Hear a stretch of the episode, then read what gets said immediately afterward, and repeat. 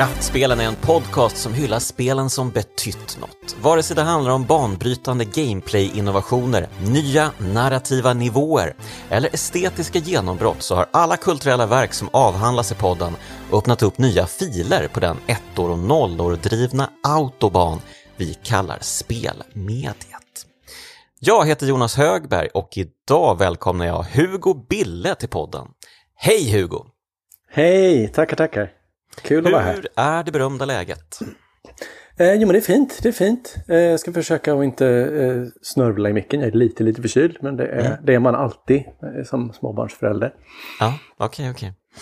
Ja, ehm, för er som inte känner till Hugo så är ju då du en ehm, speldesigner eh, som jobbat på ja, men massa härliga svenska spel. Stick it to the man, Faye, uh, They Breed och säkert en massa annat som jag inte har koll på. Um, och... det, är nog, det är nog de som man har koll på tror jag. Okej.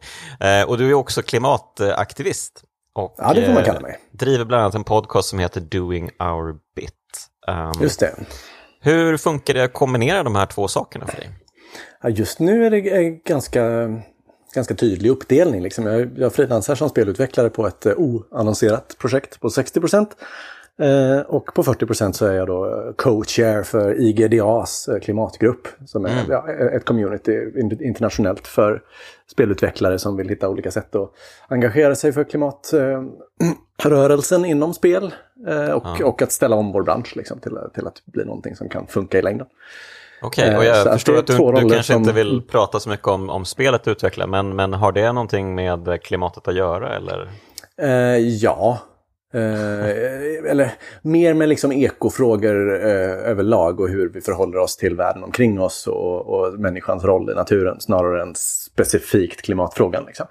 Mm, okay. Eh, men det, absolut, jag, jag, jag har slutat göra spel som inte har med, med sånt att göra, känns det som. Jaha, okej.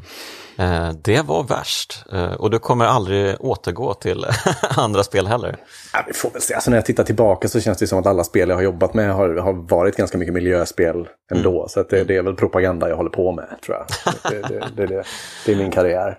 Ja, okej. Okay. Uh, okay. Mycket bra. Mycket bra. Uh, men uh, ja, och den här, det här poddavsnittet blir ju då liksom propaganda för en annan sak då.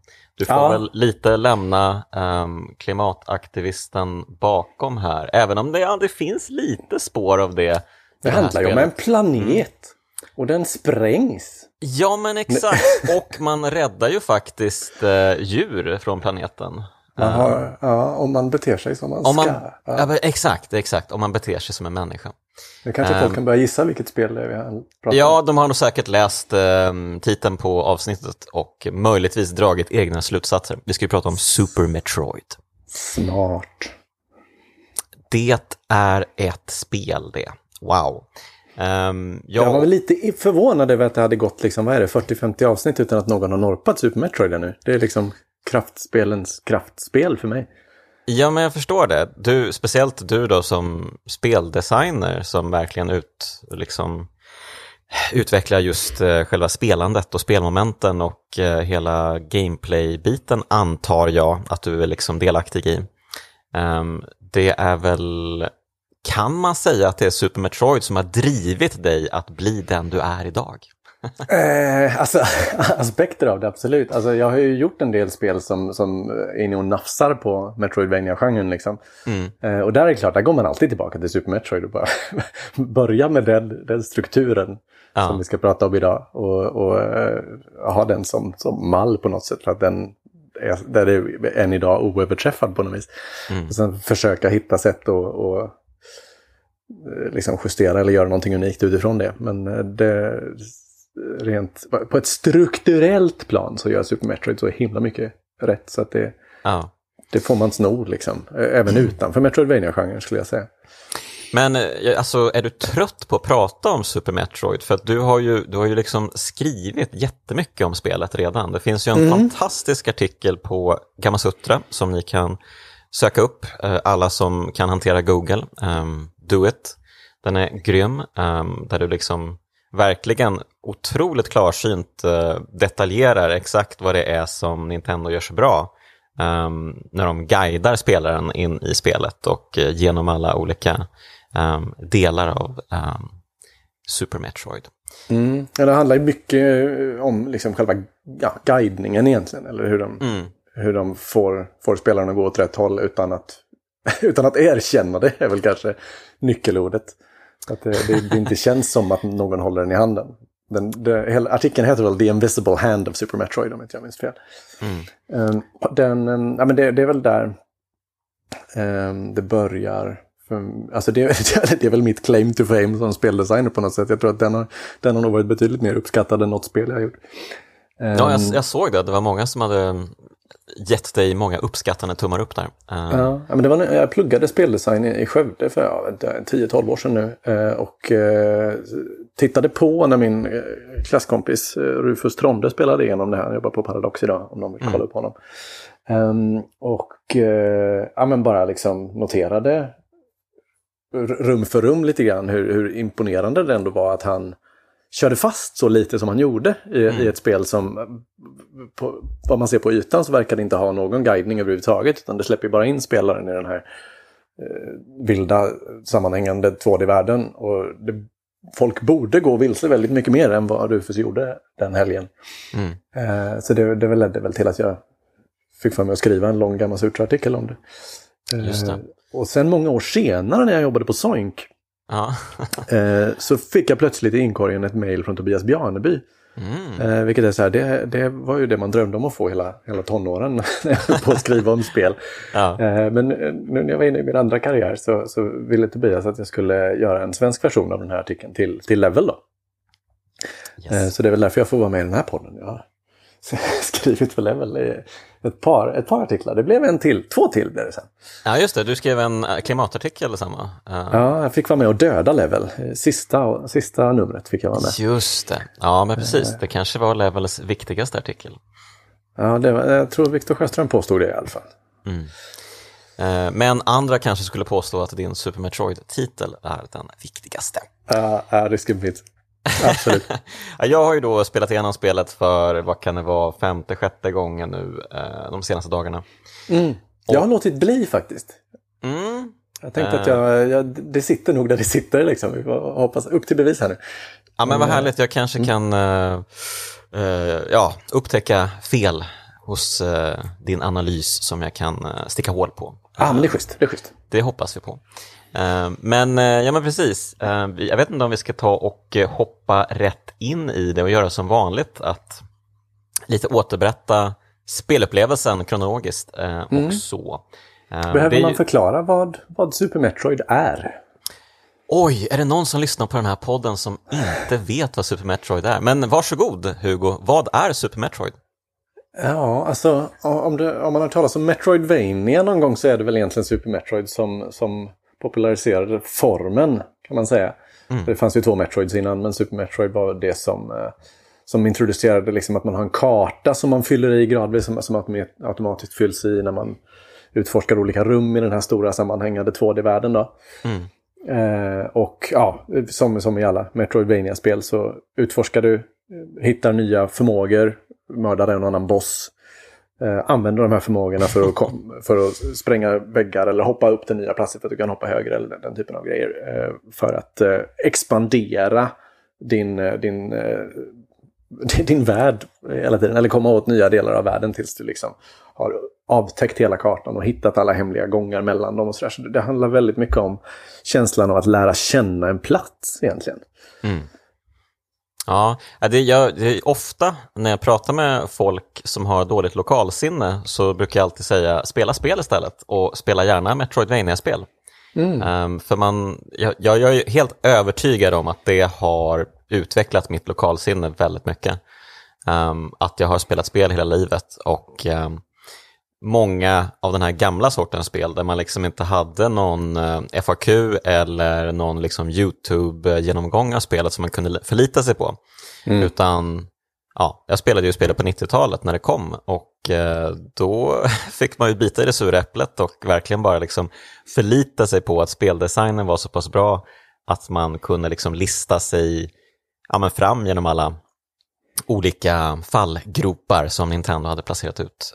Just det. Framför en. Ja, men det handlar ja. mycket om att bygga en mental karta också på ett sätt som mm. man inte alltid behöver göra i spel. Ehm, det har jag faktiskt också, faktiskt också skrivit en levelartikel om när jag tänker efter. Ehm, mentala kartor och Metroidvanias. Ja, men det, nu, har vi, nu har vi snuddat vid alla mina artiklar tror jag. Um, men uh, ja, alltså det, det, det, finns en massa häftig vetenskap bakom det där. Mm. om, om hur just Eh, vi behöver inte gå in på det. det, det men men, men ehm, det, är ju, det är ju intressant eh, med eh, inledning, alltså inte den absoluta inledningen när vi besöker den här rymdstationen och stöter på Ridley igen, den här Samus Arans ärkefiende, den här petrodaktyldinosaurien. dinosaurien Mm. Um, som kidnappar den här Metroid-larvan, vad säger de, larvae? Ja, det är det va? Eller mm. The Last Metroid is in captivity. Ja, det, det är en, det är en, en bebis Metroid, Metroid, i alla fall. Bebis i alla fall. Um, som, det är väl typ den sista Metroiden va? Ja, um, vad man vet. Det har väl antytts i Fusion att det kanske... Nej, jo men vid det tillfället är det den sista. Tror jag. Mm, jag skulle tro det, för det är väl det som händer i slutet på Metroid 2 som släpptes till Game Boy. Ja, det är väldigt, alltså det är väldigt otypiskt för Nintendo att ha en sån här kontinuitet i storyn. Redan ja, på Super Nintendo-tiden, 94 liksom. Att det, mm. det börjar med en introduktion av det här hände i Metroid 1, det här mm. hände i Metroid 2. Ja, men verkligen. Det, det, känns, det känns ju verkligen som Nintendos mest äh, filmiska spel på något sätt. Mm. Trots att det är ett 2D-spel och extremt speligt. Liksom. Uh, det är ju liksom inga, uh, nästan inga storybitar förutom den här lilla inledningen. Men det är ju så fint hur de sen berättar med, alltså med spelarens egna handlingar, berättar handlingen, eller resten av mm. historien. Det, det tror jag, ja, det tror jag är en av de grejerna som fortfarande alltså som, som har influerat resten av spelvärlden som mest mm. kanske. Vi kommer dit, det är framförallt slutet skulle jag säga som är, mm. som är riktigt starkt på den fronten. Ja, verkligen. Eh, men jag tycker man ser, alltså med de Metroid-spelen som har kommit efter, med liksom Fusion och Zero Mission och, och Dread nu, att, att Eh, Yoshio Sakamoto som eh, gjorde sin regidebut med Super Metroid mm. har väl antagligen alltid varit mest intresserad av att berätta historier med spel. Mm. Det har blivit mer och mer och mer story liksom. Ja, Men, tyvärr eh, skulle jag säga. Ja, ja, verkligen. Jag tror Super Metroid är den där skärningspunkten när han liksom mm. Han, han, för, han försökte, men, men, det fanns fortfarande så mycket liksom Nintendo-konventioner som höll honom tillbaka från att göra de här larviga grejerna som, som Other Emblem. Och sådär. Ja, Metroid Fusion är ju också väldigt, väldigt bra skulle jag säga. Um, mm. det, är ju, det är ju mer story och det är, ibland är det lite pajigt skulle jag nog säga. Men, uh, men, uh, men ja, jag tycker det funkar ändå i det här spelet. Och, och sen har det ju lite havererat ändå skulle jag säga. Mm. Um, men, men här är det ju nästan helt perfekt alltså, uh, storymässigt. Ja, I det... hur man liksom bara börjar med att ge en, ja men Eh, typ det här händer i typ två, tre meningar, go. Och sen så är det bara liksom spelaren själv som um, berättar historien genom sina handlingar. Det är perfekt mm. verkligen. Mm. Um, ja, nej men, och, nej men det jag tänkte på var ju att när man väl kommer tillbaka till, vad heter den här planeten, den heter Z någonting, jag kommer inte Sebes. ihåg den. Äh, Sebes. Precis, det var den andra planeten som hette något jättekonstigt, bara en massa siffror. SR388. Åh oh, herregud, vad nördigt, vad bra. Ja, ja, ja. Underbart, och du har inte spelat de här spelen på ett tag heller? Nej, uh, men de nämndes väl i Dread och sådär. Nej, SR388 glömmer man inte, det sitter där. Okej, okay, okej. Okay. Ja, nej men eh, såklart, Sebes, det är ju rymdpiraternas eh, hemplanet, antar jag. Det är lite oklart, de verkar ju finnas lite överallt i rymden, men um, vi får väl anta ändå att det här är deras liksom, hembas. Ja, jag tror det. Jag tror det. Uh, min Metroid-lore är lite svajig, men jag tror det. Mm. Och det är på den här planeten man var i första Metroid och uh, nu återkommer man ju då till den här planeten i Super Metroid och jag läste bara för några dagar sedan någon artikel där, de, där um, Portal 2-skaparna berättade att de hade influerats av Super Metroid ah, uh, när ja, de gjorde Portal 2. Um, ehm, just för att uh, hela den här idén med att man återkommer till det man har liksom sprängt tidigare, alltså ah. alltså den här, du vet, ruinerna från ens före detta triumf. Ah. Um, och sen ser man liksom hur det liksom kan utvecklas därifrån och vad som finns bortom de ruinerna. Det, liksom, det var ju bara en pytteliten del av den här enorma eh, basen som rymdpiraterna har. Mm. Um, så det, det är ju också en sån här jätte, jättefin um, berättardetalj som verkligen inte trycks upp i ansiktet på en.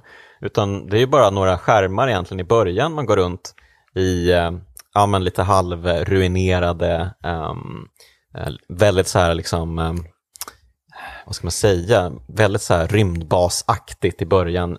Man kommer ner för Brinstar och precis ner till eh, innan det här bossrummet med alla fyra, den här bossstatyn.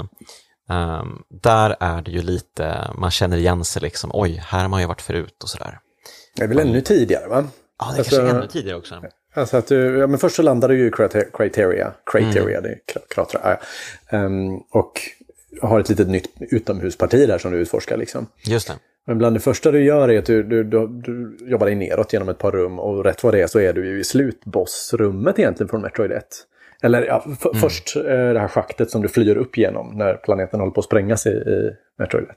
Just det. Mm. visade ju sig att den kanske inte sprängdes så mycket då. Men, men, mm. men, men jag var ju ner där och sen genom hela liksom, Mother Brain-partiet. Eh, och kommer ut precis där Metroid 1 börjar. Mm.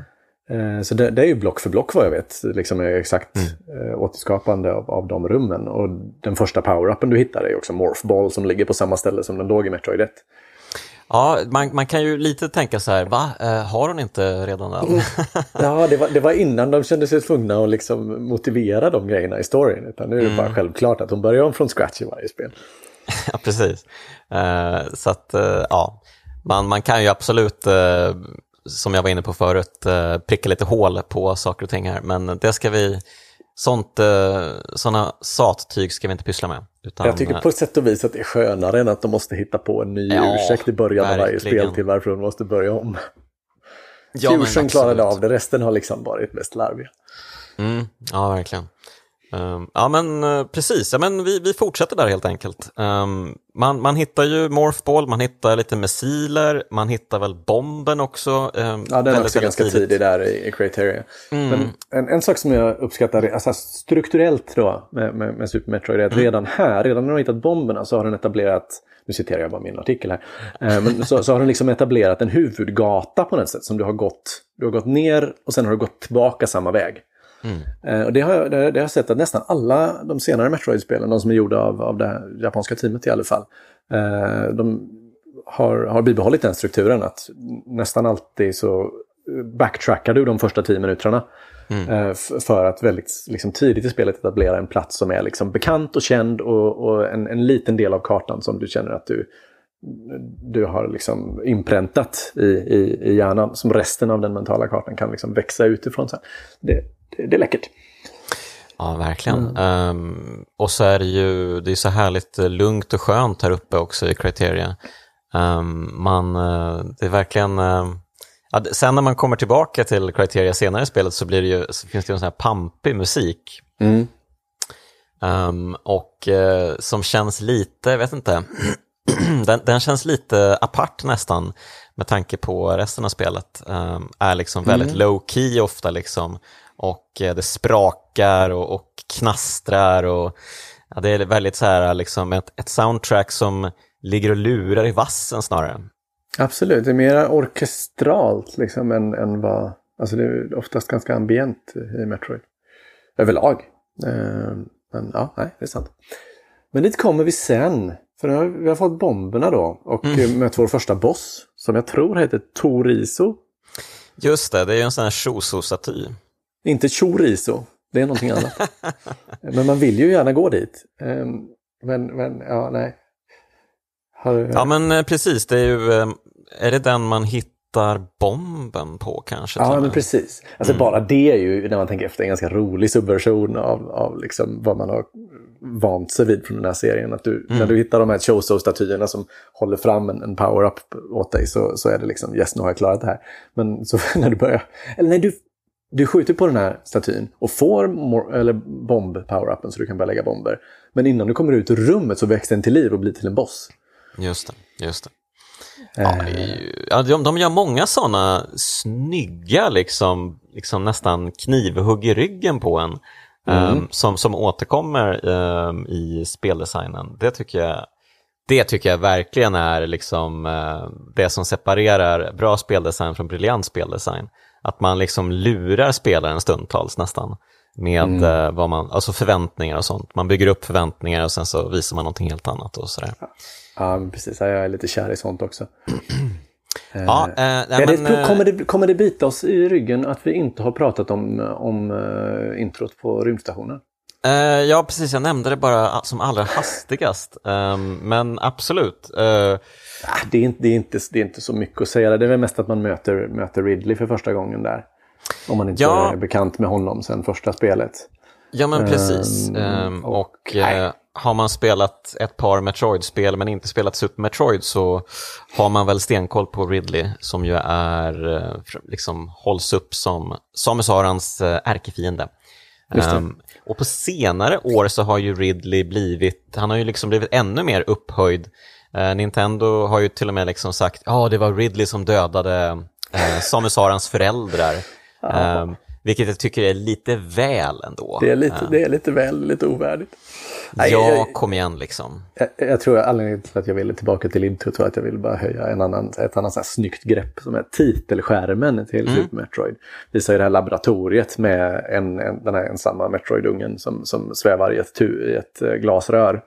Mm. Um, redan där ser man, eller jag, jag, kommer inte ihåg om det är levande eller, eller om, om det är en massa döda människor omkring. Oklart, spelar ingen roll. För bland det första som händer i spelet är att du kommer till det rummet. Och då är mm. glastuben krossad. Just det. Mm. Eh, så det, det, börjar liksom berätta sin historia och göra sina setups redan i, i titelskärmen. Mm. Och inte att förglömma, eh, titelmusiken är ju sanslöst bra. Mm. Precis när, när Super Metroid-titelskärmen eh, kommer upp där, oj oj oj. Det, det är så mycket, alltså gåshuden bara står rakt upp, alltså herregud vad bra det är. Mm. Oh. Okej, okay, mm. Men vi fortsätter, vår, vi fortsätter vår resa. Um, För sen vi... kommer vi till det du, du pratade om, att man kommer till det här rummet där man ser de fyra bossstatyerna. Mm. Just det. Um, så det, det, är ju en bra grej att ha i, ha i bakhuvudet som spelare. Att, uh, alltså, när man kommer dit första gången så har man antagligen ingen aning om vad det betyder, ärligt talat. Mm. Det, det, är bara ett rum med en massa dyr sprite-grafik i, så det betyder antagligen något viktigt. Liksom. Mm. Uh, det ska ju senare visa sig att de här fyra statyerna eh, stelnar en efter en allt eftersom man dödar de stora bossarna i spelet. Och så det, kom, det, det händer någonting här när man har hittat allihop. Liksom. Ja, det, det är eh. väldigt... Eh, alltså det är ju det är väl, alltså det är någon sorts um, en, en port som öppnas när de fyra bossarna är döda. Det känns väldigt så här konstigt organiskt samtidigt som det är väldigt mekaniskt. Det är mm. en konstig kombination däremellan. Liksom. Um, som uh, uppenbarligen då aktiverar um, till den absolut sista delen av uh, spelet och Sebes inre. Det är väl lite så Nintendo-logik som lever kvar sen Metroid 1 också. För det var ju samma sak där, att du hade mm. statyer av de två stora bossarna som fanns då, som man skulle döda, så kommer man in i Tor igen. Mm. En sak som jag tycker är vågad bara, ska jag säga, är att du behöver inte gå till det här rummet alls. Nej, just det. Eh, eller ja, för att klara spelet behöver du gå dit. Men, men eh, du behöver inte gå dit förrän du har dödat alla bossarna egentligen. De, de använder lite så psykologiska level design tricks för att, eh, för att försöka se till att så många som möjligt går dit det första de gör. Mm. Eh, du droppar ner i ett schakt eh, och möts av två dörrar, varav en är en blå vanlig dörr och den andra är en rosa missildörr som du behöver använda missilerna för att öppna. Mm. Eh, och den, missildörren leder till det här den, det här statyrummet. Ja, och hel, i hela det här schaktet så har du behövt använda missiler så du har dem garanterat redan equippade. Och det, det är väldigt lätt att känna att äh, men, då kan jag lika gärna öppna den här missildörren. Liksom. Ah, vad så smart! Att, så att de allra flesta kommer ju att trilla dit. Antingen nu eller när man kommer tillbaka hit senare, för det kommer man ju göra i nödfall. Liksom. Precis, precis. Ja, du har ju delat upp din artikel i tre akter kan man säga. Mm. Um, den första akten heter ju Tour of Sebes, alltså en rundtur kring Sebes. Um, och där man liksom utforskar um, verkligen början av Sebes och där man blir verkligen guidad av Nintendo. Man, man hålls i handen lite av dem uh, framåt via snygg speldesign och så. Mm. Um, och sen så får man ju akt två, då, då blir det en sorts utforskningsdel. Man ja, kan då, återkomma. Då, ja, precis. Då släpper hela alltihopat. Ja, och jag antar att det finns både för och nackdelar med det också. Men det kanske vi kommer till också. Ja, uh, vi kan, det, det, jag tycker det är kanske är mest den delen av Super Metroid som är mest spännande idag. Men, mm. men eh, ja, vi, vi, vi, kommer tillbaka dit. Men eh, vi, vi tar oss ner i Brinstar då, som är den, liksom, den uh, världen som är närmast ytan, som inte är ytan. Då. Ja, men precis. Precis, så att, uh, det är också en sån här väldigt lätt uh, värld. Det är inga större utmaningar egentligen. det, alltså jag skulle nästan säga att det är väldigt svårt att dö här i början av spelet. Mm. om man inte Och det är väldigt är... svårt att gå vilse också. Ja, men precis, precis. Ehm, du, kan, eller du låser upp en väldigt, väldigt, väldigt liten linjär del av Brinstar egentligen. Mm. Plus att bland det första du hittar är kartrummet som ger dig en nästan komplett karta över hela Brinstar. Just, just, den, just den kartan är väldigt, väldigt snäll. Ja, men jag tycker det är intressant att kartan fortfarande liksom att man inte får allting på kartan. Det, det, finns ju verkligen, eh, när man kommer ner sen till absolut eh, nedersta delen, Norfair, mm. så får man ju egentligen bara se liksom eh, bossrummet. Men så får man ju inte se någonting runt omkring det, utan Nej. det är liksom helt, eh, eh, det är helt tomt där på information i kartan. Eh, vilket gör att eh, tankarna bara rusar. Bara, Oj, vad, hur ska det här gå till? Vad, vad, vad menar de egentligen? Eh, ja. Hur ska jag ta mig dit? Det är ju jättelångt dit. Varför finns det inget? Det, är, det, blir en del av en stegring egentligen. Att den första kartan du får är väldigt komplett. Men sen mm. de senare kartorna är, har mer hål i sig. Liksom, så att man, man, mm. man, får de här rummen som är på kartan men inte riktigt. Eller liksom, du, du, du måste upptäcka dem själv. Jag gillar det. Just det, och, men sen kommer man ju då till en plats där Nintendo liksom låser in en. Um, här måste man liksom upptäcka en spelmekanik som man har med sig från första början men som mm. kanske inte är helt uppenbar att man faktiskt har. Nej. Uh, nu, alltså man har ju förmodligen då, uh, om man har spelat Nintendo-spel förut, så borde man väl inse att uh, ja, det, det finns en knapp antagligen som gör att karaktären kan röra sig snabbare, alla Mario liksom. Mm. Um, men ja, det är ju inte så att man, uh, spelet i övrigt är uppbyggt för att använda en springknapp. Um, det är ju mycket så här, man tvingas hoppa, göra vissa saker, det är ju väldigt få partier som är helt raka och mm. uh, man kan liksom springa långa bitar och så. Alltså Super Metroid kan ju inte riktigt bestämma sig för om det är Mega Man eller Sonic the Hedgehog i, i sin fysik. Liksom. ibland har det momentum och ibland inte. Liksom. Men, men ja, det, det, blir ju ganska mycket spring på sina ställen. Och då mm. behöver man upptäcka den här springknappen då för att klara just, just det här rummet som du menar. Där man behöver springa över golv som, som går sönder. Så hade man kanske inte riktigt gjort idag. På, på, på gott och ont. Jag, alltså det här är ju ganska, ganska gammal speldesign vid det här laget. Att liksom mm. inte, ge, in, inte ens ge inputsen liksom. Just det. Eh, det, det kanske, alltså jag är kanske inte, det här är ingenting jag vurmar för egentligen. Att, att man låter spelaren upptäcka vilka knappar som gör vad. Själv. Men, då... men, men, men det, jag, det jag vurmar för eh, mm. dock mm. Ähm, är ähm, att man blir instängd i det här rummet.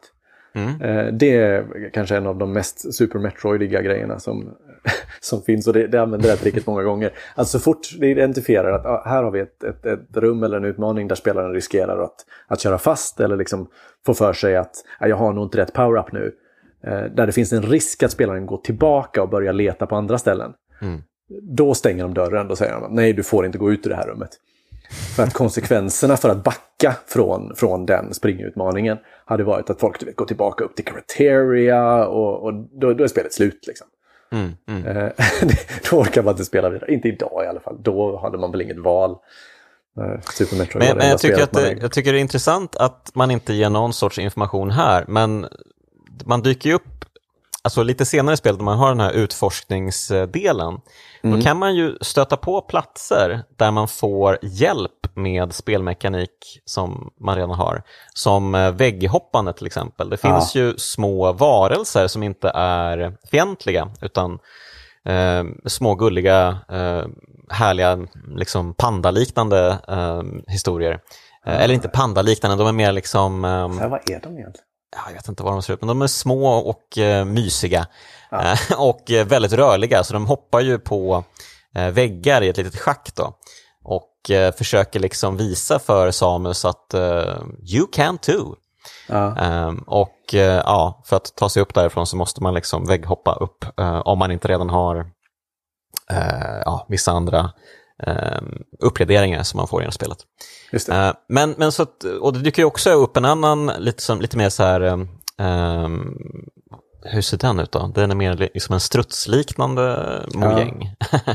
som visar att man kan göra det här liksom superhoppet rakt upp i luften. Varför fanns inte han uh, och visade att man kan springa här? Just det. Alltså det, det känns ju som ja. att den grejen är lite... Alltså, jag förstår att alltså, de, de här djuren, att de vill använda den, dem till att verkligen visa förmågor som var häftiga eller som var liksom mm. någonting utöver. Uh, alltså ge känslan av att wow, har jag kunnat det här hela tiden. Jag tror inte du riktigt uppnår det med en springknapp. Eller det är inte så ballt liksom. Eh, ja, nej, det, du, det, du, du, du, har säkert rätt. Eh, man, en normal människa inser väl till slut att eh, man ska springa här. Ja. Men jag måste säga, för att jag har ju spelat spelet kanske fem sex gånger och jag satt ändå fast här i fem minuter. Nej! för att jag vet att speedboosten kommer ju sen. Mm. När man får den här uppgraderingen som gör att man kan liksom bara forsa fram som, ja, men som Sonic the Hedgehog verkligen och bara liksom krossa allt i sin väg. Det. Och det är ju det jag tänker på när jag tänker på Samus Aran eh, springandes. Yep. Eh, att hon bara skjuter som en pil fram och eh, helt galen eh, kubbande. Eh, men jag tänker inte på att, ja, ja, hon kan ju springa vanligt, okej. Okay. Nej, men det är ju, det är ju kladdig design med den här springknappen. Det är därför de har tagit bort den i alla Metroid-spel som kom efter också. Mm, mm. Och det, det, syns ju knappt någon skillnad på spring och, och inte spring. Det är samma animation liksom. Mm. Så att, men, men, i det här fallet så var det kanske tur att de stängde in dig då så att du inte började... Så att du ja, inte trodde precis, att här behöver man speedbooster. Och, Nej, men exakt. Men ja, jo, jo. Ja, till slut så uh, klickade det hela. Poletten trillade ner. Mm. Um, och uh, så är det ju faktiskt med uh, allting i spelet. Jag, jag, fastnade sällan mer än kanske högst tio minuter på någonting när jag liksom utforskade um, världen. För jag har ju det mesta i huvudet på något sätt. Liksom. Mm, det är bara det att man ska liksom, när ska man ta den här saken, ska man ta den nu eller är det näst, nästa gång jag ska ta den och sådär. Mm. Uh, ja. Än så länge det vi har gått igenom i spelet så är det ju ganska lätt för Nintendo att, att guida folk vidare just för att man inte har en så stor karta att leka på. Mm. Uh, du kan inte gå särskilt vilse helt enkelt för att, för att ja, du har inte möjlighet att gå så långt. Uh, och ofta kan du inte gå tillbaka till, eh, till där du var innan riktigt. Eller jo, det kan du nog i början i och för sig. Ehm. Men ja, för, för det mesta så... Uh, ja, du, du, du hamnar ungefär där du ska. Liksom.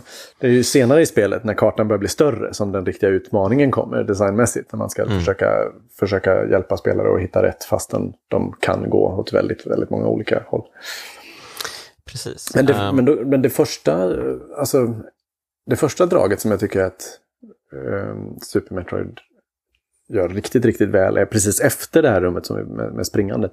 Mm. Där man faller ner genom ett riktigt långt schakt. Mm.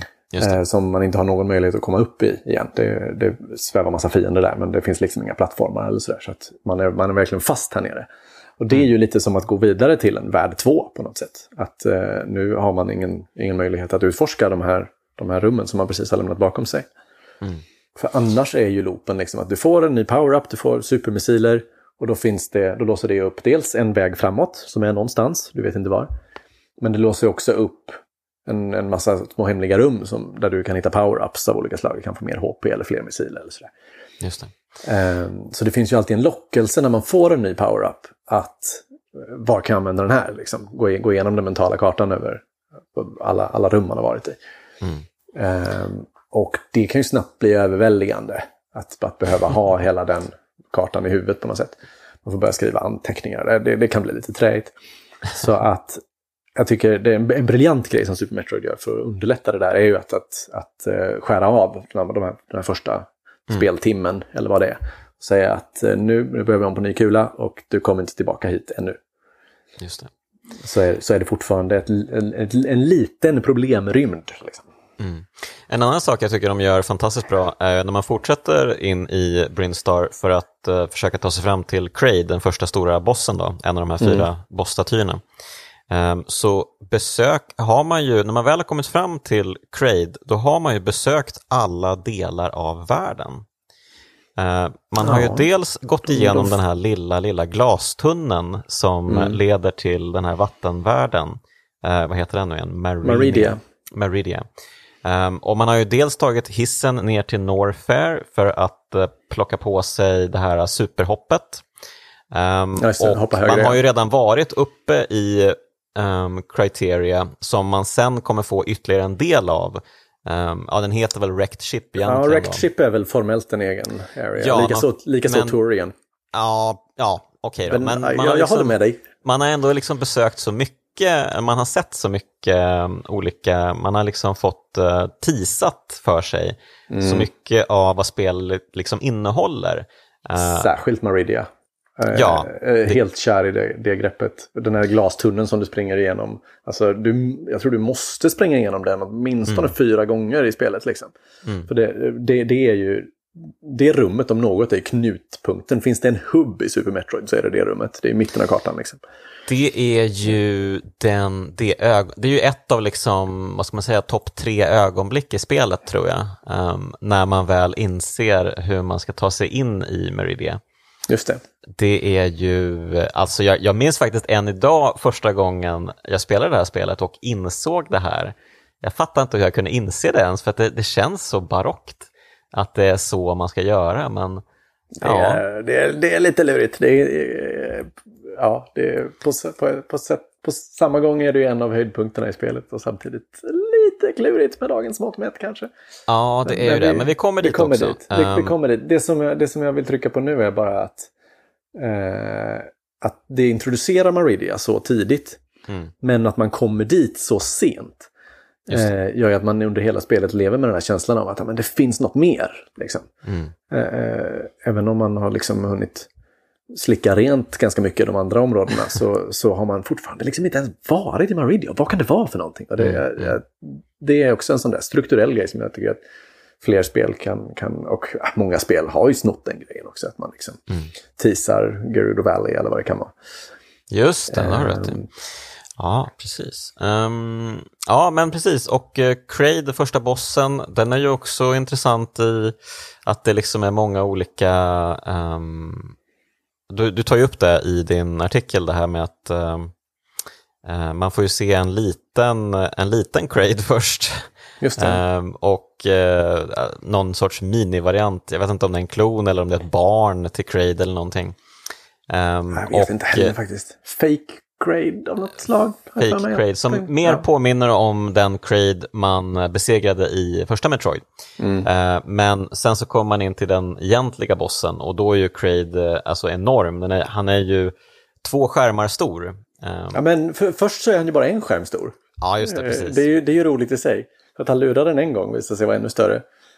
Uh, och, och sen när man har skjutit på honom ett par gånger så raserar han ju taket och ställer sig upp och så är han liksom två, tre skärmar stor istället. Precis. Så att han, det bara eskalerar. Mm. Ja, jättekul ju. Uh, väldigt bra bossdesign i det här spelet måste jag säga. Um, mm. även, om, även om man lätt kan liksom hitta, uh, man, ja men det är ju också bra tycker jag att man lätt kan hitta den typen av, vad ska man säga, den typen av... Um, man kan komma in i någon sorts uh, rytm i bossen. Man kan mm. hitta bossens rytm. Um, och man vet exakt vad man ska göra för att trigga vissa saker uh, eller för att undvika vissa saker och samtidigt skjuta. Så man kan hitta ett mönster som man återupprepar hela tiden. Um, och inte minst senare då med uh, bossen i Meridia. Ja, den jäkeln. Ja, den jäkeln alltså. Kul att du också har problem med honom. Det mm. var, det var ett, ett, trauma för mig. Vi, vi teasar mycket här, men vi kommer till honom om ett litet tag här. Men, det är men, så det här äh... spelet funkar, det är ju bara setups på setups på setups. liksom. Precis, kommer vi infria någonting av det här i frågan? Mm. Um, Ja, men ja, och vad kommer, vart eh, tar vi vägen nu då? Nu när vi har besegrat Kraid? Vi har besegrat Kraid, men då kan vi komma ner i Norfair på riktigt. Komma mm. För då har vi fått Varias ut, så vi ser ut som Samus ska se ut. Just det. Ehm, och har, kan vara i de varma rummen liksom. Mm.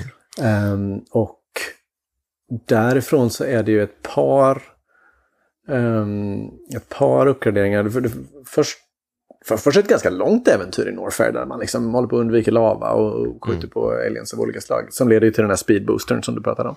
Där man, där man, om man springer tillräckligt långt så börjar man springa jättefort och kan göra sönder saker. Mm.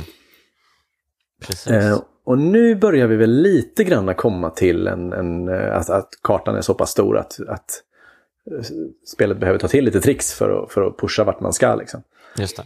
Eh, en en, en grej som vi glömde nämna där, när man, när man har fallit, igenom, fallit ner i det här schaktet och är fast i, i Norfair. Mm. Um, så är, blir man ju fast i en, en, väldigt, väldigt litet, väldigt litet område. Bara liksom de första två rummen i Norfair i princip. För att allt är blockat av antingen är det för varmt eller så kan man inte hoppa tillräckligt högt. Eller mm. det, det, är bara liksom lås på lås på lås. Um, och det, det, är en ganska klaustrofobisk upplevelse tror jag för de flesta som kommer ner dit för mm. första gången.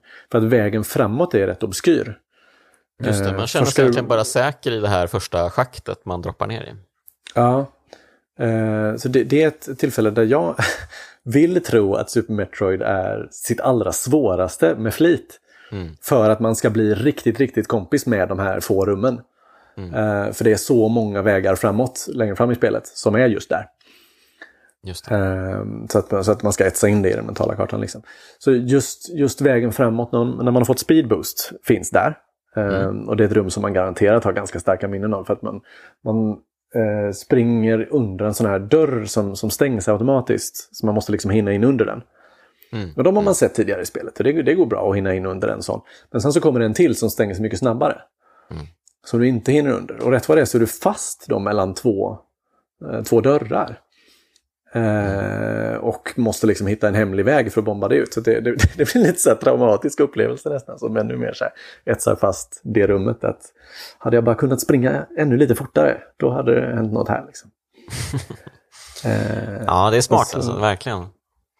Uh, och, och sen uh, alla de här liksom dolda gångarna i det rummet också. Um, mm. Dels från när man sitter fast där mellan de två uh, portarna, så ska man ju ta sig tillbaka via en dold. Och sen så när man tar sig tillbaka hela vägen tillbaka då, när man har fått uh, isstrålen man hittar mm, där. Det är Ice Beam där ja, precis. Precis, um, då åker man också uh, på någon liten utflykt uh, i de här dolda gångarna.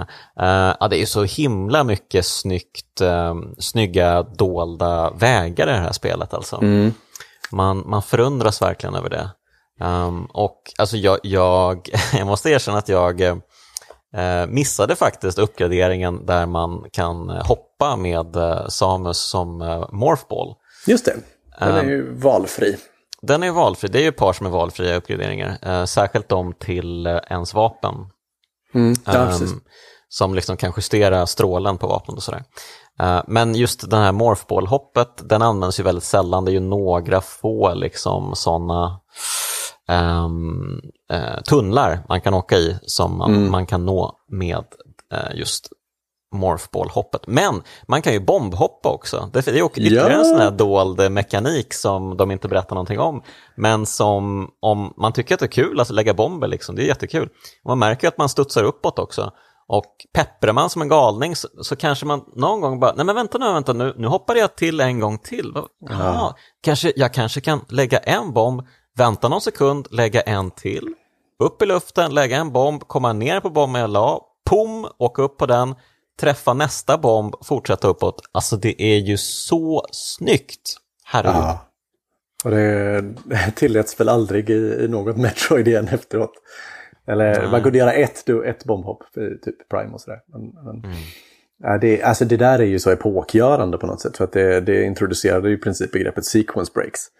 Att ja, man, eh, man kan komma till Crade utan att ta eh, höjd, eh, high jump boots. För att mm. man kan göra ett välplacerat vägghopp istället. Eller, eller bombhopp eller sådana här grejer. Just det, just det. Alltså det gjorde ju Super Metroid till en, en sport. Just det, eh, det var jätteviktigt för hela sport. Ja, ja men precis, ja, men det var jätteviktigt för hela speedrunning-kulturen också. Det var, det var ju ett epokgörande spel för, för den också. Mm, mm. Eh, jag vet inte hur mycket av det som är med flit och inte nu för tiden så lägger de ju in sequence breaks med flit. Eh, Dread, Dread har ju massa cutscenes som du bara kan nå om du, om du kommer till ställen du inte ska och sådär. Det är ju ah, det är så pass, det visste jag inte, okej. Okay. Jo, Om man har, man, om man har, nej jag kommer inte ihåg vad det var. Det finns okay. någon, någon uh, jag, ska, jag behöver inte spoila Dread i en podd om Super Metroid. Men eh, vi har isstrålen, vi inser någonting viktigt. Eh, mm. För här i närheten av isstrålen så finns det ju en fiende som vi känner igen sedan tidigare. Det, är samma fiende som i det höga schaktet. Mm. Eh, och vad behöver vi göra med den fienden? Mm, kan vi använda den här märkliga nya isstrålen vi hittat kanske? Ja, det funkar ju på alla fiender då, att man skjuter på dem och så blir de till is så kan man stå på dem. Men det, ja, det nudgar ju lite extra då mot, mot, tillbaka mot just schaktet eftersom det använder sig av en fiende som man inte har sett sedan dess. Just det. Uh, och sen när man då har lyckats hoppa upp på fiender, um, jätterolig spelmekanik måste jag säga. Um, Menar du det på allvar? Ja, absolut, det tycker jag. um, jag, Eller, jag, ja. jag Ja, i och för sig, jag kan förstå att folk har lite svårt för att det är ju en, ändå en speciell, hennes hoppmekanik är ju väldigt speciell ändå. Mm, den är det här... jättekonstig faktiskt. Och de har fortfarande inte ändrat på den. Nej, alltså, jag, jag, ja, jag gillar ju den, men jag, jag, kan verkligen förstå de som kan tycka att det kan kännas lite bängligt. Uh, för dels har man ju det här liksom, det höga hoppet som man gör rakt upp, mm. uh, där hon ja, men, typ bara liksom höjer på knäna typ. Mm. Uh, men hoppar man um, mot ett håll, ja, men typ som Mario skulle hoppa när han hoppar framåt, Mm. Då snurrar hon ihop sig och blir något konstigt litet, eh, någon konstigt litet spektakel av armar och ben. Um, och det blir en väldigt annorlunda liksom, mekanik i hur man ska kontrollera det hoppet gentemot Framförallt det att du inte kan stanna i luften medan du voltar. Du kan vända men du kan aldrig stanna. Mm, så, så hon har ju egentligen två helt olika hopp som beter sig väldigt olika men, men eh, beroende på om man stod still när man hoppade eller inte. Ehm. Ja, alltså det kan ju absolut uh, försvåra, uh, kan jag tänka mig för vissa. Men jag känner mig ändå ganska trygg med hur, jag, hur bra jag är med att kontrollera Samuelsvaran. Mm, jag, jag ju klar, snyggt jag klarar till och med av att kontrollera henne under vatten utan att ha oh. um, gravity suit. Det gör inte jag. Det tycker jag är den konstigaste mekaniken i hela... Jag förstår fortfarande inte hur det funkar. Ibland Nej, så, så kan man svänga och ibland kan man inte. Och Mm. Eh, det, ja, den, ja, det, det är väl egentligen inte meningen att man ska göra det här. Eh, ja, det ska men... ju vara jobbigt att vara under vatten utan att, utan att ha tools. Ja men precis. Um, ja, det är ju faktiskt jätteskumma hopp i vattnet, det ska sägas. Men det går att kontrollera dem lite grann om man vet exakt när man ska trycka tillbaka uh, henne och liksom få henne att stanna av lite och sådär. Just um, men ja. Men, men, jag, vill, men, jag vill måla en liten bild här tror jag. Mm, För nu, mm. nu har vi alltså klättrat upp ur det här schaktet igen. Ja. Och vi har plockat på oss fem nya power-ups sen vi var här sist. Vi har alltså High Jump Boots, vi har Varia Suit, vi har Speed Booster, vi har Ice Beam. Nej, det är bara de va? Ja, ehm, just det, så, det tror jag. Så det är ju, det är ju, man är ju väldigt sugen på att gå tillbaka till hela det här första området nu då. Och, eller hela, hela Brinstar och, och hela Criteria. Och, och se vad man kan göra med de här. Det finns säkert massa hemliga pickups att hitta och sådär. Mm. Um, och det är ju här det börjar bli lite, lite läskigt. Eh, att, att, det finns, att världen börjar bli så stor att det blir liksom ett enda kaos av, av eh, upplevelsen. Och att man, Nintendo inte har någon koll på vart, vart man går och att man bara springer omkring och mm. hejvilt upptäcker saker. Och det, det, alla, alla spelare i den här genren hamnar ju där till slut. ja. eh, men Nintendo verkar inte vilja eh, eller de, de, har ett snyggare sätt att förpacka det på helt enkelt än att bara låta en gå runt. Så att eh, det första som händer är att man inte kommer in i den gamla världen på grund av samma rum eh, där den här springtutorialen tog plats. Mm. För att vi har ju som bekant låst in spelaren där. Så att man får ju istället hitta en annan väg eh, med hjälp av high jump boots som man har haft ett, ett tag nu. Mm. Som leder till ett nytt område där du får en femte ny power-up, eh, powerbombs. Mm. Ja. Um, och vägen leder fort, uh, fortsatt uppåt. Uh, och rätt vad du är så är du tillbaka vid Samus skepp igen. Mm. Uh, vilket jag tycker är bara den, den, den ultimata liksom, knorren på att, eller det, det, det spelets sätt att med, med alla liksom tillgängliga vis, audiovisuella medel berätta att nu har vi ingen aning om vart du ska gå längre. Nu är du, nu är du tillbaka på ruta ett. Ja. Nu, nu är du on your own. Liksom. Och det är då den här heroiska musiken kommer också? Då byter låten i Criteria. Mm. Um, och uh, ja, men, så de, de litar väl på att spelaren vid det här laget de har de här fem power-upsen som de väldigt gärna vill prova på alla ställen. Så att de vågar släppa lös. Ja men verkligen, uh, men det, det, är väl tanken att nu ska du känna dig riktigt, riktigt grym. Mm. Uh, när du har kommit upp här. Du har liksom i princip eh, de, de eh, viktigaste grejerna du kommer behöva eh, med dig och nu kan du verkligen utforska ja, men Brinstar, allting, eller inte allting då, men ganska mycket av Brinstar egentligen. Mm. Men också att man är redo, att man litar på att spelaren är redo att vara lite vilsen nu. Vi, vi, vi, har gått igenom den här första akten av att liksom putta mot, mot nästa mål hela tiden.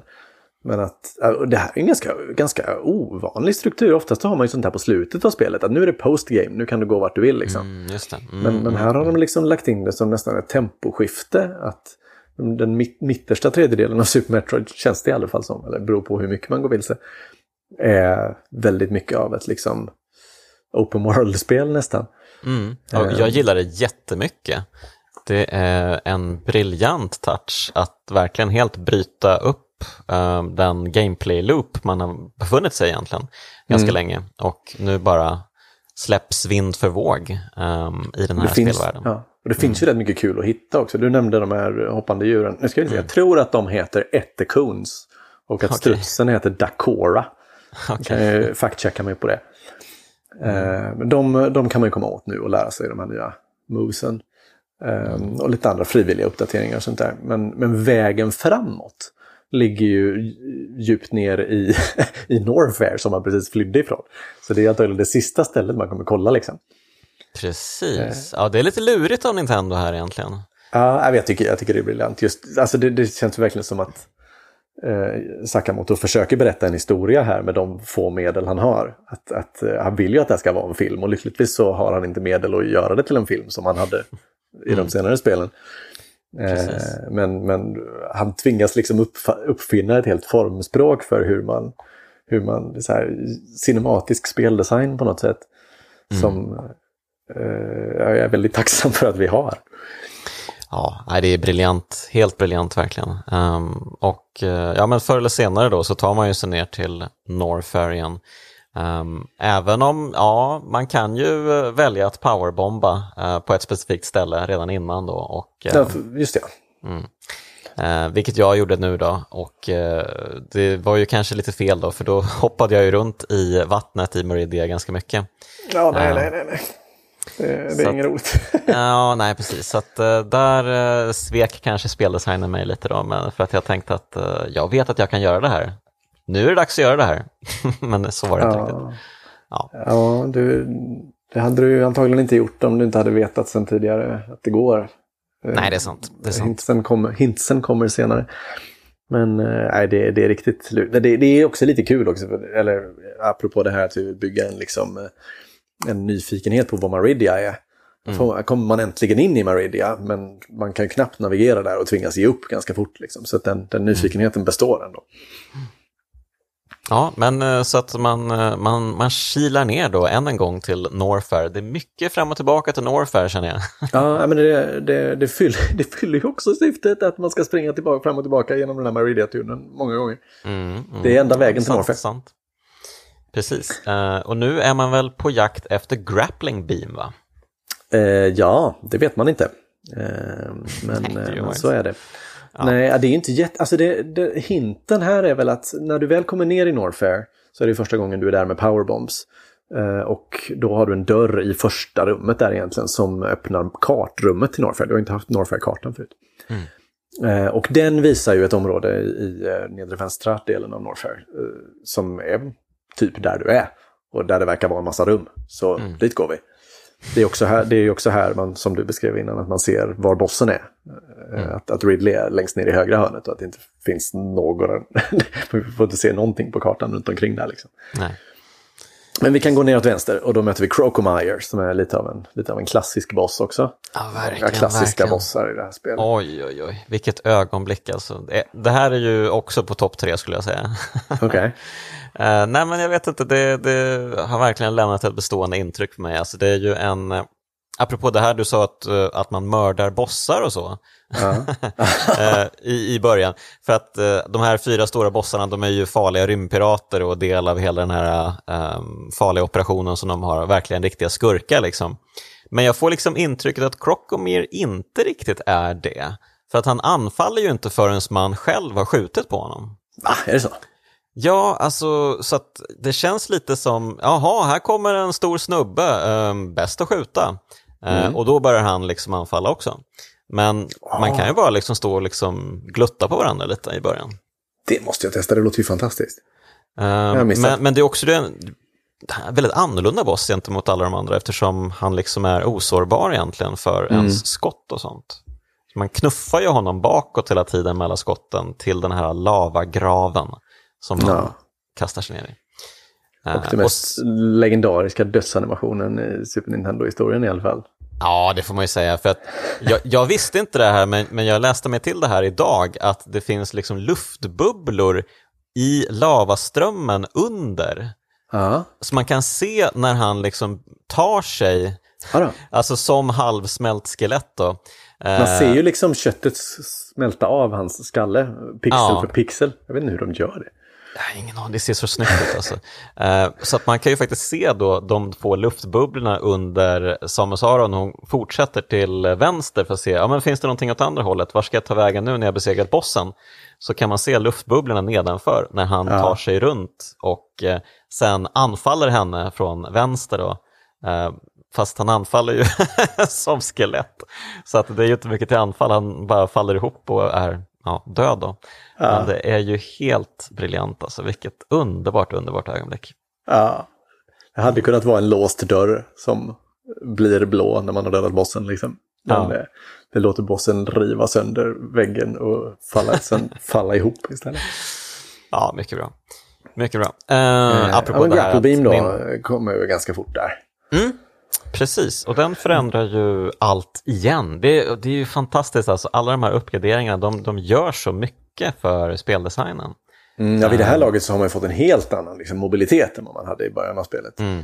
Det är ju något som kännetecknar ett bra, bra Metroidvania moveset också tycker jag. Att många av förmågorna man får inte bara är nycklar som låser upp dörrar utan det, att det också berikar liksom, grundrörelsen och får, gör det roligare eller effektivare att ta sig runt.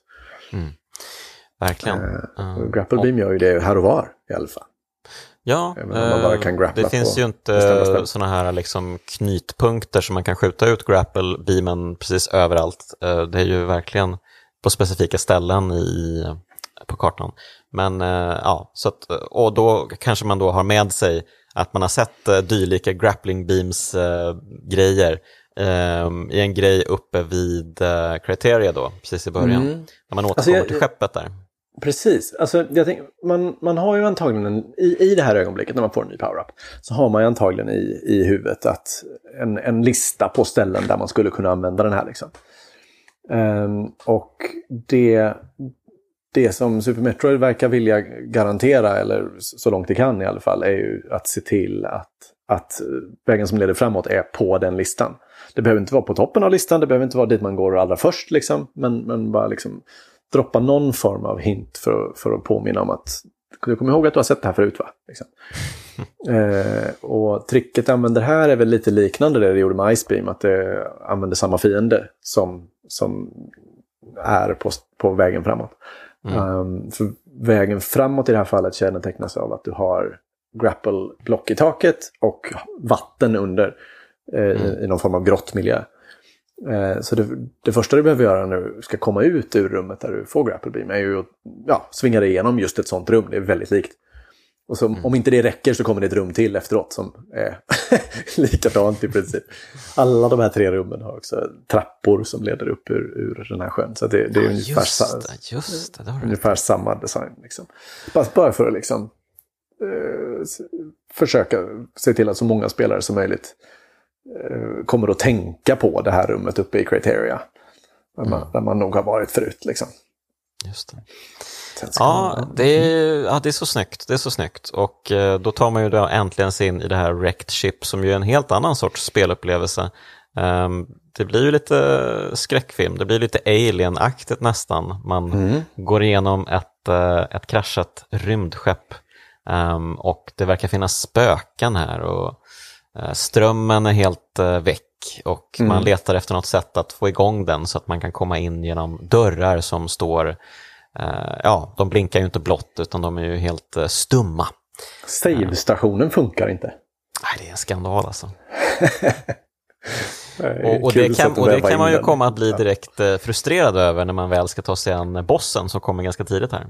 Ja, nästan bums. Jag tycker det är lite synd faktiskt att, att Fantoon kommer så tidigt. Det, det, är en jättefin uppbyggnad men den är så kort. Mm. Det hade varit roligt att få, få um, vara i det där utsatta läget lite mer med, i det hemsökta skeppet där ingenting fungerar. Liksom. Ja, det är ju, det är ju ingen jättestort kanske, område direkt, det kan man ju inte Nej. påstå. Mm. Här tycker jag att Super Metroid har gått in i en lite ny fas igen för övrigt. Nu är vi inne i någon sorts akt 3. Mm. Eh, där det inte, alltså det, det, handlar inte så himla mycket om, om att utforska världen och, och, och hitta, hitta power-ups och, och det där fria längre nu. Utan nu ska man egentligen gå in i tre, tre banor i rad. Som slut, var och en slutar med en av de tre kvarvarande storbossarna. Det. det smalnar liksom av och blir mer linjärt här. Mm. Eh, du kan alltid eh, låta bli och gå tillbaka och, och, och gå tillbaka och hämta power-ups om du vill. Men Super Metroid blir aldrig riktigt så svårt tycker jag att man känner sig tvingad att göra det. Mm. Eh, men ja, nej, i alla fall så den första av de här banorna är ju Ship och Fantoon. Uh, ja, nej, precis. Och uh, ja, lite halvsvår boss, uh, men ja, inte, inte jättesvår med tanke på att han skjuter ut så många, um, vad säger man, någon sorts spöksaker som man lätt kan skjuta och få items från. Så man, man har ju hela tiden ett ganska bra förråd som man kan plocka på sig med HP-grejer och missiler och sånt. Det är skönt. Om man inte blir för aggressiv. Alltså, han är väl den första av ett par bossar som blir fly förbannad om man försöker skicka supermissiler på honom. Ja, just det. det är så är det. Ja. ja, då går han in i så här rage mode och blir vrålsvår. så det, det ska, man, ska man inte göra om man inte vet vad man håller på med. Ja, men eh, och sen när han är död och då aktiveras ju eh, strömmen igen på skeppet. Ehm, mm. Så han har väl eh, helt enkelt slukat den i ett par år eller någonting. Bara mm. suttit och mumsat på den och nu när han är borta då så ja, aktiveras allting igen och man kan springa runt och plocka på sig lite saker igen. Mm. Får man gravity suit? Det börjar, ja. Vi börjar komma in på de sista power-upsen här nu. Ja, just det.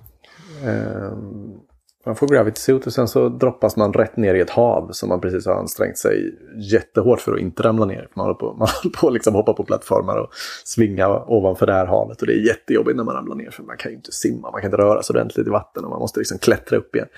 Men när du har fått gravity suit så bara droppar spelet dig rätt ner där igen och så kan du röra dig fritt.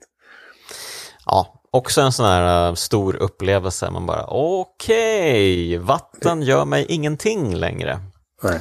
Eh, det är ju lite tråkigt kanske att vatten blir liksom helt eh, eh meningslöst med Gravity Suit, att, de inte, att det inte påverkar någonting längre. Mm. Eh, jag tycker ändå att det tillför någonting att röra sig i vatten, att det blir lite trögflytande och lite um, trögare spelmekanik och så. Ja, absolut. Det, men, det, Gravity Suit lägger ju inte till en, alltså det berikar ju egentligen inte gameplayet, det tar bara bort mm. en aspekt, som i och för sig är dålig. Ja, jo, okej. Okay.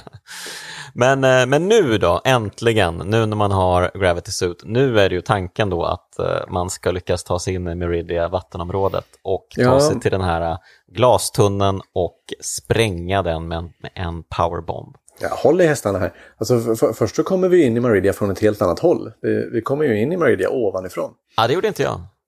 Nej, okej. Okay. Jag tog mm. den långa vägen tillbaka du, för att jag ja, tänkte jag ska till glastunneln, jag ska till glastunneln. du kan inte glömma den, Nej, det, jag, jag förstår det. Mm. Eh, om, man, om man inte har glastunneln i, i hjärnan, vilket egentligen inte finns någon större anledning att, att, att ha. Eller ja, ja. Det, det, det, där är en helt legitim spelväg. Jag tror den, den mer troliga är att man fortsätter igenom Wrecked och, och kommer in i Maridia bakvägen så att säga. Mm. Eh, men det, du hittar inget viktigt där utan det, det, det som det är är ju mest en väg ner till glastunneln. Mm. Um, och på vägen dit så ja, du lär känna Maridia lite grann och vilka, vilka fiender som finns och sådär. Uh, men du hittar också lite andra sådana här glastunnlar som är spräckta redan. Mm. Uh, bara, bara för att väcka tanken om att det här har jag sett innan. Den, den, uh, vad skulle jag kunna göra för att, för att spränga den där glastunneln? För man, man ser ju på kartan också att det finns någonting över och under den. Liksom. Det måste gå att ta sig ut ur den glastunneln. Yes. Det är fortfarande lite svajigt tycker jag. Eller med dagens mått mätt är det ett ganska svårt pussel. Liksom. Jag förstår att folk fastnar, jag förstår att folk blir arga. Eh, Mm. Men det är ju så ballt när man, Mm, när man knäcker det. Verkligen. Bokstavligen. Nej, men, ja, precis, bokstavligen. Ja, det är ju roligt också att eh, när man väl har lagt eh, powerbomben så händer inget förrän man rör Nej, på vet. sig. Det är underbart. Man bara, nej Alltså- det gjorde väl ingenting då. Så går man därifrån och så bara... Ja, det är riktigt snyggt faktiskt. Riktigt snyggt. Det, det är mycket, mycket sådana där liksom, du trodde det här, ja okej, du, du, du tror rätt, men vi ska inte ge det till dig förrän ja, du, är precis, du har precis gett upp hoppet liksom. Ja. Ja, Hålla handen, aldrig erkänna det. Exakt. Ehm, ja, men uh, ja, Maridia kanske inte är min favoritvärld kanske. Ehm, Oh, gillar du vattenbanan? Ja, ja det, det brukar jag göra i spel. Eh, I och för man- sig så man- är det ju här ingen vattenbana per se då, eftersom man kan röra sig hur som helst. Men, ehm, ja, jag vet Fair. inte, det, det är någonting som, jag aldrig riktigt, riktigt klickat med den här världen känner jag. Nej, alltså det är ju... Den har, den har ju det emot sig också, att man kommer dit så sent. Att man inte riktigt har liksom lärt sig älska den. Mm. Ehm, men eh, ja, ja, jag vet inte. Det, det är en ganska obehagligt ställe att vara i. Liksom. Det, det Mm. finns ändå, jag vet inte, jag ska inte säga att det finns så mycket mysfaktor kanske i de, de tidigare delarna. Mm. Eh, men Maridia är kanske lite extra omysigt.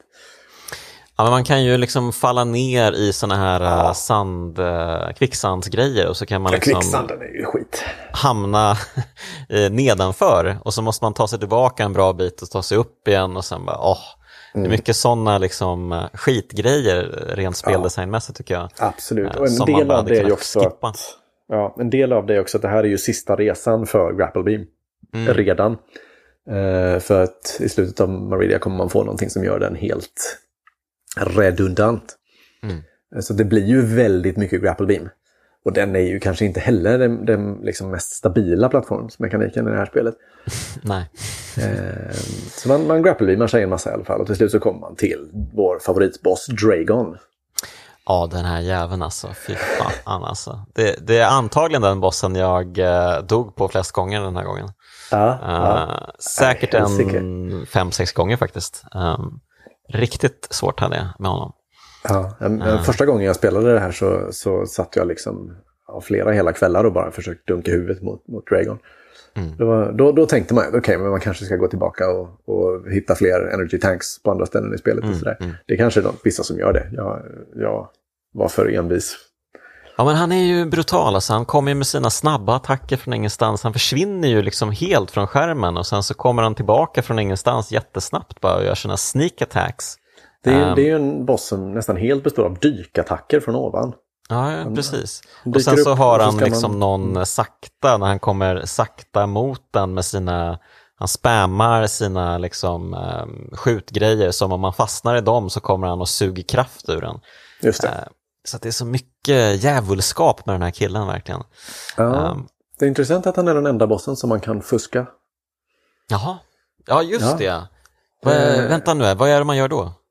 Ehm, det här är ju egentligen väldigt långsökt men, men eh, också ett sånt där ögonblick som har blivit legendariskt. Att när han håller i den, för han har ju den här grab-attacken som du sa. Mm. Eh, eller det finns ju också fyra kanoner på väggarna i, det här, i den här bossfighten som Mm, man kan skjuta sönder. Eh, som tur är, för att annars är de jättejobbiga. Eh, och när man skjuter sönder dem så exponeras liksom något så här elkablage bakom. Så att om man har skjutit sönder, jag tror det är en specifik av kanonerna, eh, så kan man använda grapple beam medan han håller fast den. För att leda ström in i Dragon så han dör på, på studs. Det är ju jätteroligt. Det är roligt, det är det. det, det förtar kanske en av de bästa bossfighterna men men det, Ja. det, är ju, det är ju en rolig hemlighet, det är ingenting man upptäcker av, av misstag. tror jag. Nej, det, det, är nästan någonting man måste nog läsa sig till. Eller hur kommer man ens på det? Det, det, har man ju inte gjort tidigare, leva ström genom sig själv. Liksom. Nej, nej, det har ingenting med någon annan mekanik att göra. Det är mm. nästan ett Easter egg. Verkligen, men äh, jättekul att det finns um, och uh, ett kanske välbehövligt Easter egg med tanke på att han verkar då, om, vi, om du, du och jag, mina, våra upplevelser är någonting att gå efter så är det ju typ spelets svåraste boss då. Ja, det tycker jag. Uh, yes. Men uh, ja, men då har vi honom avverkad då till slut efter mycket om och men. Mm. Um, och då kan vi äntligen bege oss ner i Norfairs inre, alltså dit no man has gone before känns det som. Ja. Helvetet verkligen. Verkligen helvetet. Det är ju kanske min, eh, mitt, eh, min favoritsektion i hela spelet. Ja, men jag förstår det. Det har, det har väldigt mycket drama liksom. Mm. En del av det sitter i musiken. Att det, det är den här körlåten som har blivit synonym mm. med lavabanor i Metroid sedan dess. Tyvärr, den är lite uttjatad nu men då, då var den väldigt häftig. Mm. Eh, och bara men, så små grejer som att man, man åker ju hiss ner från Norfair till vad som liksom, i, i och med att det är en hiss så känns det som att man kommer till ett helt nytt område som är liksom ännu djupare ner. Mm. En väldig känsla av att vara djupt ner i planetens innanmäte. Liksom. Ja, men och de här statyerna också. De ser ju otroligt läbbiga ut. De här ja, vad ska man kalla dem? Det är ju typ eh, djävulsaktiga statyer som ser också lite um, typ infödingslivsaktigt nästan i sin Men det är design. Väl någon sorts, det är väl någon sorts Chozo-ruiner man kommer ner till. Ah. Det, det, är samma med, med Crades område, är också lite retro. De är väl inspirerade av Crades och Ridleys respektive områden i, i Metroid 1 tror jag. Mm. Eh, jag kan vara ute och cykla där, jag är lite dålig på Metroid men, men jag har fått för mig det. Ja, men hur som helst, det är ju, det är ju svinsvårt här nere. Um, här ja. riskerar man ju lätt att uh, gå vilse för att alltså det känns ju som, man droppar ju ofta ner i områden där man inte riktigt vet vart man ska och man kan ju verkligen bege sig åt alla möjliga håll uh, många gånger. Så att man kan ju helt bara liksom vara uppe och snurra någonstans och sen bara, var ska jag nu? Ja, bossen är ju mm. där nere, men jag vill ju utforska samtidigt. Det är så mycket häftigt här och, och allt är så himla farligt också. Det är jättefarligt. Alltså inte nog med att du har fiender som, ja, som du inte kan eh, göra skada på. Fiender mm. som gör jättemycket mycket skada på dig. Du har också lava som gör skada fastän du liksom simmade genom ett hav av lava för att komma hit. Men den här lavan, den är, den är ännu jäkligare liksom. Extra farlig lava, varsågod. Ja, uh, ja så att uh, får anta att vi närmar oss planetens inre här helt enkelt. Ja. Att temperaturerna har nått helt uh, vansinniga nivåer. Ja. Jag minns det inte som att man gick vilse så mycket där. Vet, om man går höger det första så når man ju en återvändsgränd. Men går mm. man vänster så är det en, en ganska linjär sträcka ändå. Det är ett par sådana här som, som blev ännu mer populära sen i Zero Mission och Fusion. Där man liksom man kommer till en återvändsgränd och så ska man gå tillbaka till korridoren innan och bomba golvet där. Så kommer mm. man till, till vägen framåt. Liksom. Um, men, ja, jag vet men... inte, jag hittade någon, eh, det finns ju en, uh, finns det inte en hiss upp till Meridia här också? Um... Nej, det, fi Nej, det finns en, um, det finns en genväg till övre Norfair. Ja men precis, det, det, var där uppe jag var och snurrade. Eh, ja, det är jobbigt för då, då blir man väl utelåst också och måste gå, gå tillbaka igen. Är det så? Ja precis, så är det ju precis. Och sen finns det ju ett område där, det tycker jag är väldigt kul. De har ju, använder ju de här um, ljus... Um, uh, insekterna eller ljus... Um, vad säger man? Uh, det är inte fåglar utan det är ju... Um, Lysmaskar eller? Lysmaskar Fireflies. snarare. Ja men precis. Um, som, uh, som lyser upp uh, hela rummet. Uh, och skjuter man dem eller råkar man hoppa in i dem så att de försvinner så blir ju rummet mörkare och mörkare. Ja. Det finns ju ett jätteroligt sånt rum där man hittar en, en e-tank, alltså en, så man får mer liv. Um, och som är väldigt svårt att undvika alla de här. Eh, där jag lyckades få rummet att bli helt becksvart och hoppade mm. runt i blindo liksom för att försöka ta mig tillbaka ut. Det var... Ah, ja, det är spännande. Du får skylla dig själv ändå, då är det, då är det ändå okej. Okay. Ja, men så är det ju verkligen. Man, man, man ger sig in, eh, precis, man får ju... Uh, Man får skylla sig själv, så är det. men eh, ja, men så förr eller senare då, efter mycket, mycket om och men här, um, framförallt, alltså man har ju en, eh, någon sorts duell med två rymdpirater som inte går att såra överhuvudtaget. Just det. Förrän de gör en speciell attack. Ja, det är ju lite konstigt, ja just det. Ja, vad är det för speldesign? nej, nej, den är, den är undlig. Så att de, de fuskar ju lite Nintendo um, för att göra det extra svårt här tycker jag. Um, mm. Men, eh, men okej, okay, det kan jag köpa. Uh, speciellt... Men visst kan man krossa dem med, med screw attack sen? Nej, jag tror inte det. Är det inte så? Uh, Nej. Okay. Jag, jag tror att de är helt osårbara uh, i liksom sin vanliga state. Men så fort de gör den här attacken när de hoppar upp i luften och Eh, dyker ner mot eh, Samusaran, eh, då kan man skada dem under det här korta fönstret. Mm. Och ja, då kanske det är möjligt att man kan skruvattacka dem. Ja, um, det hade ju varit bra annars, att man liksom använder dem för att sälja in skruvattacken.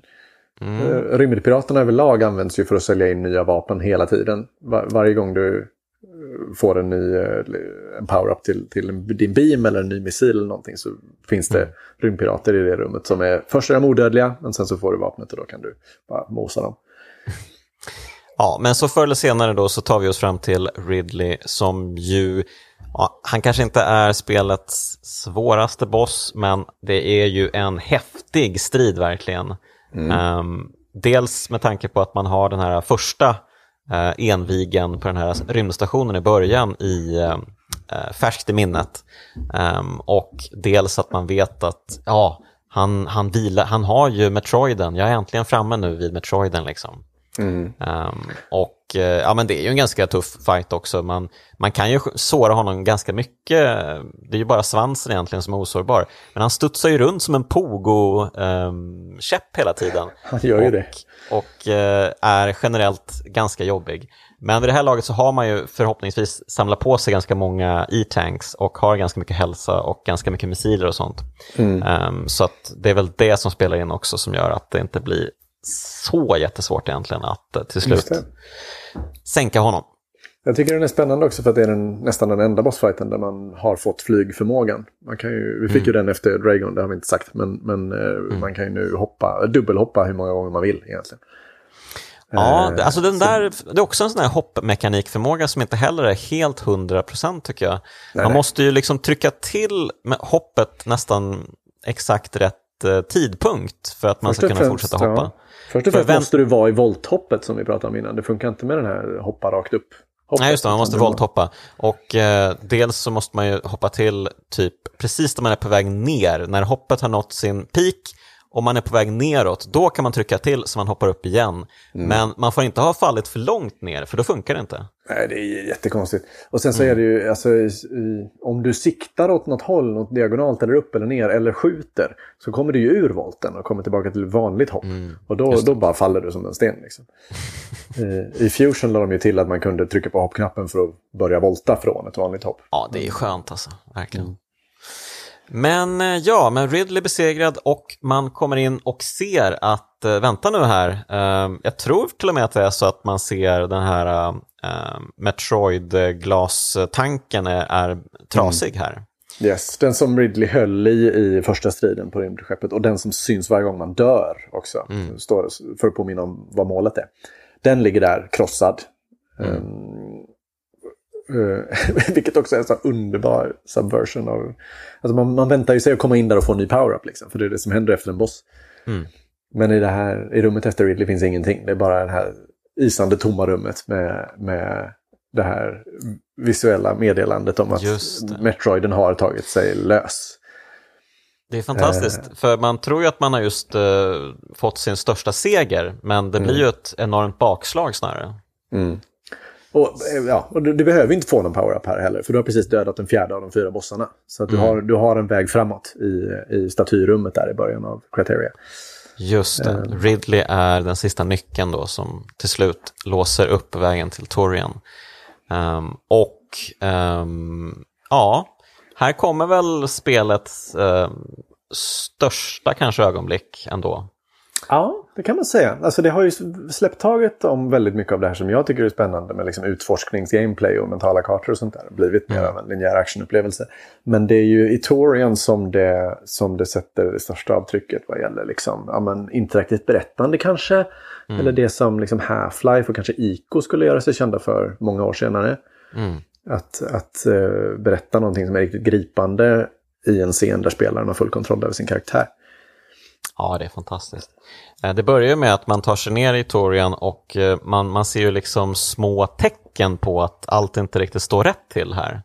Um, det är inte den här um, up and running rymdpiratsbasen uh, där allting är back on track och de, liksom, ja, de har gjort sig redo för att uh, nu ska vi bli riktigt stora skurkar igen. Utan det, det ligger ju massa sand överallt och vi stöter på starka fiender som är, ja men de är sand och när man går förbi dem så raseras de och faller ner och är en liten sandhög. Och mm. ja, gradvis så man, man insåg ju att uh, det är någonting som står fruktansvärt fel till här.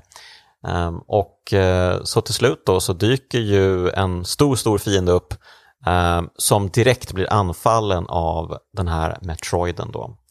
Som... Jättestora, alltså det, det, den är mycket större än någonting vi har sett innan. Man har ju dödat en del Metroids nu i de här rummen inne i Torian. Just det. Eh, men här kommer en jättestor som bara suger i sig den här fienden och sen bara, sen blir musiken tyst. Bara total mm. tystnad. Man hör ett litet Metroid-tjut från, från den här, alltså de låter ju väldigt underligt de här maneterna. Mm. Eh, och så flyger den väl iväg. Ja, Eller, den väl på Samusaran. Ja, det är det första. Ja, tack. Mm. Eh, den anfaller ju henne och eh, suger ut all hennes energi förutom en, alltså man, man precis innan man dör då så har man en enda liksom, eh, pinne kvar på energikartan, eller mätaren, och mm. då ja, slutar den helt plötsligt. För det är då den känner igen Samusaran. Mm. Ah, det var hon som räddade mig i slutet på Metroid 2. Det är den här ja, Metroid-bebisen som har blivit jättestor helt enkelt. Mm. Och eh, då flyger den iväg och försvinner. Um, och då fortsätter man den här färden in i Torian. Um, och ja, till slut så kommer man in i Mother Brains rum då. Uh, rymdpiratsledarens uh, stora rum. Och Mother Brain är den här stora hjärnan i en glastank som, ja, man besegrade Mother Brain i slutet på Metroid 1 då. Så man känner ju igen allting, allting är sig likt. Eh, man tar sig fram till Motherbrain och skjuter med eh, missiler på grastanken för att spräcka den och eh, pumpa på en massa missiler på den här hjärnan. Men när Motherbrain dör då inom citationstecken så är det inte slut riktigt än utan hon blir ju någon sorts, hjärnan får ju en kropp, det blir ju en gigantisk varelse som anfaller.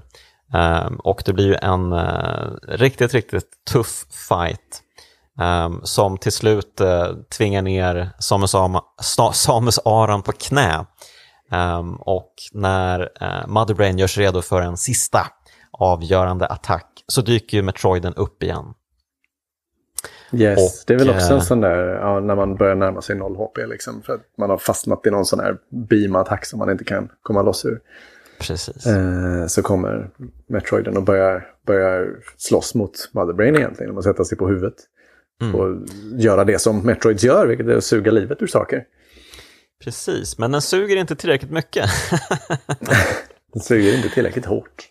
Nej, precis. Eh, så att eh, Motherbrain går ju liksom, krymper ju ihop lite, lägger sig på knä och verkar bli sand som alla andra fiender. Varpå Metroiden eh, för över den här energin till Samusaran och eh, börjar liksom ladda upp henne igen. Hon får, får, tillbaka får, tillbaka all sin energi. Liksom. Men samtidigt som det här sker så ser vi ju hur Motherbrain börjar liksom röra sig igen. Eh, hon är inte död än. Och eh, nu har hon fritt fram att skjuta sina strålar och sånt på Metroiden. Så Metroiden dör ju medan den skyddar Samus Aran. Mm. Det är ju eh, ja, men det är jättefint um, och det är jättesorgligt och uh, Metroidens uh, typ aska lägger sig över Samus Aran som då blir Super Samus Aran. ja, eller får sin första hyperbeam. Ska Precis. återkomma ett par gånger i senare spel. Men eh, den, den gör processen väldigt kort med Mother Brain. Mm. Eh, det är inte ens bossmusik efter det, utan vi, vi går ju till den här eh, eh stråkiga eh, Criteria-låten som du nämnde innan. Som, som mm. st står ut lite grann från resten av soundtracket. Väldigt heroisk. Mm. Uh, den passar ganska bra i den scenen också. Alltså, den, är, alltså, ja. den är heroisk men den är också ganska dämpad. Eller liksom, man har inte glömt vad, vad Metroiden precis gjorde. Nej. Nej men precis, det här, det här måste ju bli en triumf liksom, så är det ju. Um, det här är ju ögonblicket man slår tillbaka och slutgiltigt förintar Motherbrain och rymdpiraterna. Ja, rymdpiraterna kan vi ju debattera kanske. Men... uh, ja, och, och så då sker ju det som alltid sker i Metroid-spel. Man får en timer och måste ta sig upp till ytan på, vad kan det vara, tre minuter tror jag det. Mm. Um, vilket ju är en ganska tight um, tid. Um, man är ju ändå en bit ner. Men uh, ja, man är ju supermäktig så att uh, det är ju egentligen inga större problem då. Nej, det är alltid lite lurigt med det där sista schaktet för att det är, det är jobbigt att hoppa i det här spelet ibland. Ja, just det är lättare att råka rabbla ner och sådär. Mm. Uh, det är också lite fint att det, det är exakt samma schakt då som det var i Metroid 1. Det var bland det första vi upptäckte i Super Metroid, att vi tog oss ner igenom det här flyktschaktet. Och nu ja, flyr vi upp igenom det igen. Precis. Eh, men som du nämnde innan, också med möjlighet att ta en liten genväg för att, alltså, ja, varför man nu skulle få för sig att göra det. Eller alltså, du behöver ju ta en, genväg, du behöver ta en omväg till där man hittade bombuppgraderingen ganska nära början av spelet. Mm. Och av någon anledning så är ju alla djuren där. De som har lärt en att vägghoppa och flyga och allt vad man är. Mm. Mm. Eh, så att man kan säga till dem att springa till sitt rymdskepp. eh, de har tydligen ett rymdskepp. Så det kan man göra om man vill få en liten extra knorr på, på slutscenen. Mm. Där, där Samus sätter sig i sitt skepp och åker iväg från planeten som exploderar i någon sorts supernova. Jag tror att det är hela planeten som sprängs den här gången i alla fall. Ja, det här är nog det sista vi ser av Sebes, uh, tror ja. jag. Den, den, ser väldigt uh, gedigen ut, explosionen. Ja. uh, så att, ja men precis, så här säger vi nog hej då till de flesta rymdpiraterna, även om Ja, Craig återkom ju i eh, Metroid Dread. Det känns lite märkligt att se honom igen. Ja, och eh, där tar ju spelet slut. Um... Ja, om man inte vill hundraprocenta det, men det är knappt att man vill det. Jaha, ja. Vilken... Eh, det känns eller... som att du, du svär i kyrkan nu, eller? Jaha, är det så? Är det en stor grej? Alltså jag vet inte, det känns som mer som ett spel som folk speedrunnar än ett spel som folk liksom lägger stort värde i 100%. Mm. Uh, jag, jag har tänkt lite på det, för att det, du ser ju bara den här 100% mätaren i eftertexterna ja, precis, i princip. Precis. Eh, så det, och, vilket jag kan tycka är ganska skönt. Jag tycker att det är många Metroidvanias som liksom sätter den här siffran i, i hörnet av kartskärmen. Eller liksom att man alltid kan kolla hur långt man har kommit. Det blir en sån hets att klara 100% då. Mm. Men när man måste klara hela Torian bara för att kolla hur långt man har kommit så, så känns det inte så himla noga liksom. Utan det blir mer att liksom, det är klart att man vill fortsätta utforska och hitta grejer. Men, men du kom, det är jättesvårt att hitta de där fem sista när, man, när det bara är några stycken kvar. Liksom. Och det känns inte som att Super Metroid hetsar en att göra det. Och det kan jag faktiskt tycka är ganska härligt. Ja, men då har du rätt i. Uh, absolut. Men uh, nu, och nu för tiden så kan man ju uh, lätt kolla upp vad man har missat och så. Um, det mm. gjorde man kanske inte på den tiden, men man ska väl inte heller underskatta um, hur kåta kids kunde vara på att få se lite naket. Um, Just det, ja, den grejen. Ja, måste man hundraprocenta för det? Jag tror att det Eller, är så det funkar. Um, då får man väl det, se... Jag tror det hade mer med speed att göra. Då får man väl se Samus Aran utan dräkt. Jag tror man får se henne typ, får man inte se henne typ i underkläderna till och med?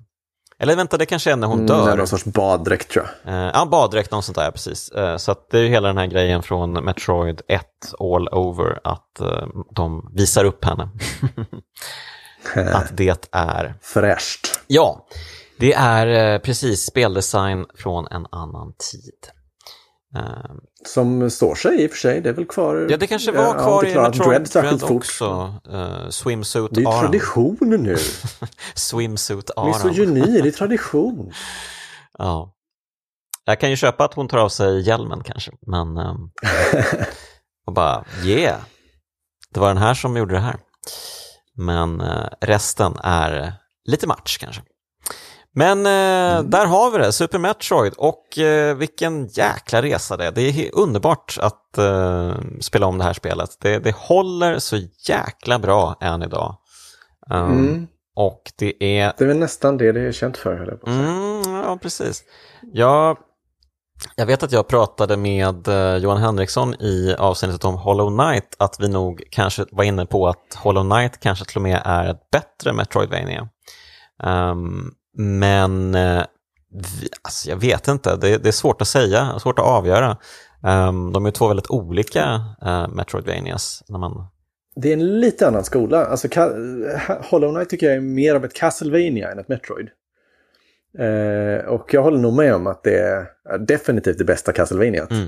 Eh, men alltså det som skiljer dem där, framförallt i mina ögon, är att Castlevania är mycket, alltså de är inte så eh, driv, alltså de är, de är inte så ledande som Metroid är. Metroid försöker vara den här cinematiska upplevelsen där du du upplever de här beatsen liksom, i, i en schysst rytm, i, i en bra, bra tempo. Mm. Liksom. Där Castlevania är mer att ah, men du får väl gå runt i det här huset så får vi se vad som händer. Mm. Um, det är mycket mer det som, som Dark Souls tror jag sen tog vidare. Mm. Uh, en, en, mer liksom anarkistisk speldesign som inte är så intresserad av att liksom manipulera spelaren på det sättet. Mm. Ja, uh, ja det, det, har ju sin så, skärm också. Men uh, ja, Nej, men vi, jag tror vi kan enas om att uh, Super Metroid uh, är väl kanske det bästa Metroid-spelet. Ja, men det är väl svårt att, att rucka på tror jag. Ja, jag, jag vet att jag älskar ju Metroid Prime ett extremt Prime mycket. Är bra. Men, men det är Prime ju... har bättre... Det är ja, ju... Prime har bättre stämning tycker jag. bättre soundtrack, bättre liksom, look och atmosfär. Ja, jo, precis. Ja, men de, de är men... kanske lite olika saker på så sätt. Ja. Um... Mm. Men just spel... Det, det, är också lite slarvigare i den här speldesignen. Det försöker ju vara Super Metroid och, le och leda rätt och sådär. Men det blir ju mycket av ett liksom, va? Var det en ramp där i början av Talon Overworld? Hur skulle jag komma ihåg det? Det märks att det inte är Nintendo uh... som har gjort spelet. Uh... Ja, men ibland. Ja, och, och stundtals gör det ju absolut. det. Eh, men eh, ja, men verkligen den här otroliga eh, fina handledande speldesignen som de verkligen bemästrar till fullo här i Super Metroid. Den är, den är svårslagen verkligen. Ja, alltså det, är ju, det har ju blivit någon sorts helig graal som inget spel riktigt kan, kan hitta tillbaka till. Den, den här spelet som har rytm och tempo och, och som, där de coola scenerna avlöser varandra. Men där det ändå känns som att det var spelaren som upptäckte det på egen hand. Mm. Att det, det inte har det här handledandet. Liksom, även om det, ja, som vi har sett här idag, verkligen har det. Men, men gör det väldigt diskret. Liksom. Mm. Det jag, tror ingen, jag tycker fortfarande ingen har kommit i närheten av att göra det. Och det är kanske färre och färre som försöker idag också. Nu, nu när liksom, ja, men Hollow Knight och Dark Souls har liksom tagit det här vidare mm. och, och, gör spel som är mer ärligt eh, nyfikenhetsdrivna. Mm. Som in, inte är intresserade av att manipulera. Så jag, jag tror att mycket av den stora Super Metroid-hypen kom väl liksom på 00-talet när man ville göra spelfilmer. Liksom Uncharted och, och de här mer linjära spelen. Och, och många ställde sig frågan hur sammanför vi det här med eh, eller kanske hur tar vi ett steg tillbaka från det väldigt cinematiska linjära 00-talet till någonting som är lite mer äkta eller någonting som liksom där spelaren agerar på riktigt och inte bara spelar en roll. Liksom. Mm. Ja, precis. Um, Enter Dark Souls och så vidare. Ja. ja. Ja, men det har nog varit väldigt... Jag tror, alltså, tidigare än så så tycker jag att Resident Evil-spelen är, är tidiga exempel på, på det här liksom väldigt mental karta-drivna gameplayet också. Mm, mm. Eh, de, de första två framförallt. Att, eh, att det handlar om att komma ihåg vart man ska gå tillbaka med sina power-ups man har fått och sådär. Mm. Ja, men jag vet inte om du ska försöka med någon mening eller två liksom sammanfatta varför Super Metroid är ett kraftspel. Um, nej, men det är ju, det är ju ett mästerverk. Alltså det är upp, där uppe med Ocarina of Time som ett av de mest, en av de mest fulländade spelen. Som du, än idag, ja, men dels bara att det att fortfarande håller. Liksom. Um, och att det än idag är ganska svårt att hitta saker som, som är jobbiga med det. Eh, det, det, börjar, det börjar blekna lite för, för eh, en casual publik. Liksom. Eller det har nog aldrig riktigt funkat för en casual publik. Mm. Eh, det är för svårt på sina ställen. Inte bara i liksom, action utan även i utforskningen. Mm. Eh, men men det, det, alltså för ett spel som är nästan 30 år gammalt så är det ju... Eh, eh, det håller sig väldigt, väldigt, väldigt väl. Och det har haft extremt stor influens i, ja men först i hur man hur man berättade, spel på, eller berättade historier på ett interaktivt sätt i, i spel. Jag tror det har varit jätteviktigt för ja, men Resident Evil, för Half-Life, antagligen för ICO och de här spelen som liksom byggde det där formspråket vidare. Mm. Um, och sen också blivit något av en symbol för den gamla sortens speldesign när spelaren minsann fick hitta själv. liksom. Ja. Ja, på många sätt så var det väl kanske en bättre tid. Eller var det det? Jag vet inte. ja, Elden Ring finns ju nu, så att jag, jag är rätt nöjd. Jag är också rätt nöjd. Um, Vi har undvikit att prata om Elden Ring i en och en halv timme. Ja, det är otroligt. Hur gick det till igen? Där kom det. Um, det. det. borde ju vara det enda man pratar om egentligen, men... Um... Det, det, enda vi behöver säga i den här podcasten är utan Super Metroid, inget Elden Ring. Det får vi nog ändå, eh, kan man säga med gott samvete. Och det är kanske ett bra sätt att avsluta på också. Um, mm. Ja men uh, tack så hemskt mycket Hugo för att du ville vara med i Kraftspelen och berätta. Tack om... själv, det var jättehärligt. Ja. Eh, och ett stort tack till dig som lyssnar, givetvis. Eh, ett stort tack till de finfina gossarna i Bitpopbandet 047 som gör signaturmelodin till Kraftspelen. Eh, ifall du vill ha koll på Kraftspelen så kan du följa mig på Instagram. Och ja, om du känner att ett trängande behov av att höra av dig, berätta om, om någonting eller helt enkelt ge lite feedback så kan man mejla till kraftspelen gmail.com. Ja, och med det säger vi tack och hej